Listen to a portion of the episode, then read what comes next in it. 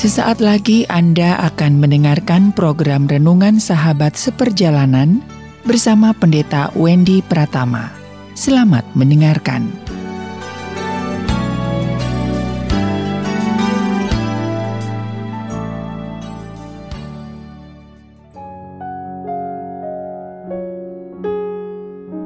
Selamat berjumpa kembali di dalam layanan audio Sahabat Seperjalanan. Hari ini adalah hari Minggu 13 Februari 2022. Tema renungan dan saat teduh kita dengan judul Berburu Harta Karun. Berburu Harta Karun. Firman Tuhan terambil dalam Matius 13 ayat yang ke-44. Demikian bunyi firman Tuhan. Hal kerajaan sorga itu seumpama harta yang terpendam di ladang, yang ditemukan orang lalu dipendamkannya lagi oleh sebab sukacitanya, pergilah ia menjual seluruh miliknya lalu membeli ladang itu. Mari kita berdoa. Bapa yang di dalam sorga kami boleh belajar kebenaran firman Tuhan berburu harta karun yang terdapat dalam Matius 13 ayat yang ke-44 sehingga kami boleh menemukan harta karun yang sesungguhnya. Di dalam nama Tuhan Yesus kami berdoa. Amin. Shalom sahabat seperjalanan yang dikasih Tuhan. Kalau berbicara tentang masalah harta dan perhartaan Itu adalah kebutuhan manusia.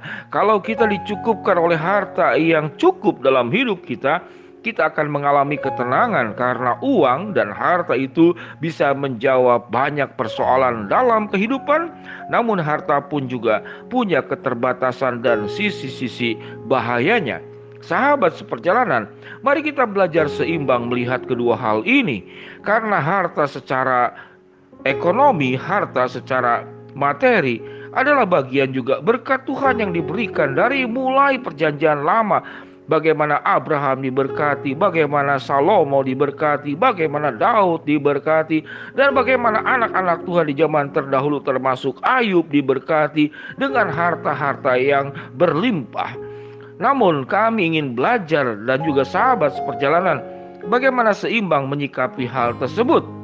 Dalam firman Tuhan yang kita baca Matius 13 ayat yang ke-44 itu harta diumpamakan dengan hal kerajaan sorga itu seumpama harta yang terpendam di ladang lalu ditemukan orang lalu dipendamkannya lagi oleh sebab itu sukacitanya pergilah ia menjual seluruh miliknya lalu membeli ladang itu ada pergantian harta. Di sini bertemu dengan dua harta. Harta yang pertama adalah hal kerajaan sorga. Jadi artinya orang yang menjual seluruh miliknya itu, itulah harta yang dia miliki. Kemudian dia menggantikan dan membeli harta yang dari tangan yang dari harta yang ada di tangannya, kemudian dia membeli harta yang dikatakan dalam firman Tuhan yang ada di ladang, yang ada di bawah tanah dan dia membeli apa yang ada di dalam tanah dalam tanah, kemudian melepaskan apa yang ada di dalam genggaman tangannya. Melepaskan apa yang ada dalam genggaman tangannya dan membeli apa yang ada di dalam tanah. Sahabat seperjalanan, harta yang ada di dalam tanah atau harta karun tentu tidak terlihat.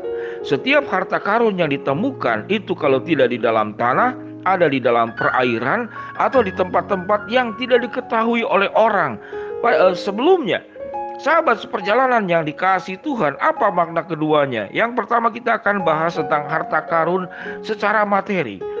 Kata karun, harta karun adalah sebuah kisah yang ada di dalam catatan yang namanya memang karun. Karun itu disebutkan sepupu dari Nabi Musa. Jadi karun ini sangat kaya raya, luar biasa. Dia punya segala sesuatu. Namun dia sangat pelit tatkala dia dimintakan untuk berbagi berkat, berbagi sedekah, melepaskan sebagian hartanya, dia tidak rela untuk memberikannya. Seakan-akan bahwa harta karun itu adalah nyawanya. Dalam kisah tersebut dikatakan lalu kemudian Tuhan menghukum karun ini yang bernama namanya memang karun. Menghukum karun ini sepupu Nabi Musa seluruh hartanya itu tenggelam ke dalam tanah.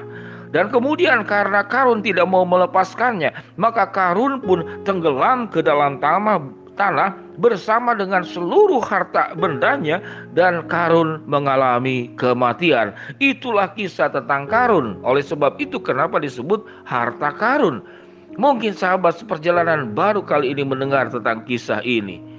Sahabat seperjalanan yang dikasih Tuhan, jadi harta karun dalam istilah finansial. Kalau kita boleh katakan, apa yang dikisahkan tersebut memang seperti demikian. Apa pun yang ada dalam genggaman kita pada akhirnya akan masuk ke dalam tanah dan setiap kita pun sewaktu kita menggenggam apa pun yang ada di dalam dunia ini kita juga akan masuk ke dalam tanah bersama-sama dengan semua harta benda yang kita miliki. Tidak ada yang kekal Tentu sahabat seperjalanan saya berdoa dalam kondisi ekonomi yang sulit ini. Tuhan memberkati kita dengan finansial yang cukup kalaupun tidak berlimpah, berdoa agar pendapatan untuk mencukupkan kebutuhan-kebutuhan keseharian kita itu boleh berjalan dengan lancar dan Tuhan pun menjanjikan Tuhan menjanjikan makanan, Tuhan menjanjikan minuman, Tuhan menjanjikan perlindungan, Tuhan juga menjanjikan kecukupan. Sahabat seperjalanan, namun mengapa bahwa perumpamaan ini berbicara Orang itu melepaskan harta dalam genggamannya untuk membeli harta yang ada di dalam tanah. Pengertian harta yang di dalam tanah dikaitkan dengan kerajaan sorga. Kerajaan sorga itu dikaitkan dengan banyak aspek dalam hidup, harta-harta yang tidak semata-mata harta material, harta benda dalam bentuk emas, perak, permata, dan uang. Sahabat seperjalanan, saya coba gambarkan apa yang dimaksud dengan hal kerajaan sorga itu seumpama harta yang terpendam. Kalau kita berbicara saudara tentang harta karun yang sesungguhnya, maka firman Tuhan berkata keselamatan dalam Kristus adalah harta yang paling pertama. Yang kedua adalah kekekalan. Tatkala kesementaraan dilepas kita punya kekekalan, kekekalan hidup di masa-masa yang berikut dan kefanaan itu akan ditinggalkan. Kita akan berjuang mencari kebahagiaan, bukan hanya kesuksesan. Karena orang sukses belum tentu bahagia, tapi orang bahagia dia sukses untuk mencapai kebahagiaan. Sahabat seperjalanan, kita berjuang untuk karakter-karakter Kristus di atas pesona. Yang kita perjuangkan adalah karakter dan bukan pesona-pesona lahiriah. Yang kita perjuangkan adalah keluarga, bukan jabatan. Apa artinya kita dapatkan segala sesuatu di, di luar rumah tangga kita.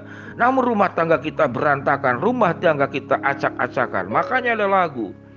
Ya, harta yang paling indah adalah keluarga. Kurang lebih seperti demikian. Jadi berjuanglah yang utama keluarga selain aspek yang apa yang ada yang di luar. Berjuanglah kita dekat dengan Tuhan, bukan dekat dengan dunia ini maka itulah harta karun yang sesungguhnya. Berjuanglah kita tidak hanya mengumpulkan, tapi kita belajar berbagi. Maka kita sedang memperjuangkan harta karun yang sesungguhnya. Sahabat seperjalanan yang dikasih Tuhan, macam-macam harta karun. Ada harta yang ada dalam genggaman tangan kita dan ada harta yang ada di dalam tanah yang tidak terlihat dan itu yang disebut dengan kerajaan sorga. Harta yang ada dalam genggaman tangan kita kita boleh sebut adalah kerajaan dunia. Kita boleh menjadi raja dalam dunia, kenapa tidak boleh? Tentu boleh. Tetapi ada kerajaan sorga setiap kehidupan yang berhubungan dengan kekekalan, setiap kehidupan yang berhubungan dengan karakter, setiap kehidupan yang berjuang bagaimana kita dekat dengan Tuhan, tidak hanya dekat dengan dunia. Kita berjuang untuk belajar berbagi, tidak hanya mengumpulkan supaya kita jangan sampai seperti Karun, punya harta berlimpah, namun dia pelit tidak mau berbagi. Akhirnya dikutuk Tuhan masuk ke dalam tanah semua harta bendanya dan dia pun masuk bersama dengan harta bendanya ke dalam tanah. Maka berakhirlah kehidupan. Sahabat seperjalanan mari kita berburu harta karun yang sesungguhnya tidak hanya masalah material, tidak hanya berbicara tentang emas, perak, permata dalam dunia ini, namun ada emas, perak, permata yang jauh lebih kekal yang harus kita perjuangkan. Mari kita berdoa Bapa yang di dalam sorga hambamu berdoa buat yang sakit Tuhan jamah sembuhkan, yang sedang menghadapi masalah Tuhan bukakan jalan, yang sedang berdoa mengharapkan sesuatu, Tuhan kabulkan dengan waktu rencana dan kehendakmu. Di dalam nama Tuhan Yesus kami berdoa. Amin. Shalom sahabat perjalanan, selamat berburu harta karun sebagaimana yang tercatat dalam Matius 13 ayat ke-44 hal kerajaan sorga yang kita perlu perjuangkan. Shalom, Tuhan memberkati kita semua. Amin.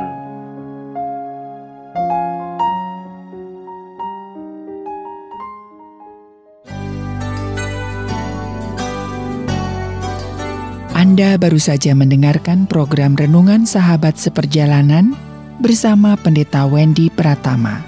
Terima kasih atas perhatian Anda. Tuhan Yesus memberkati.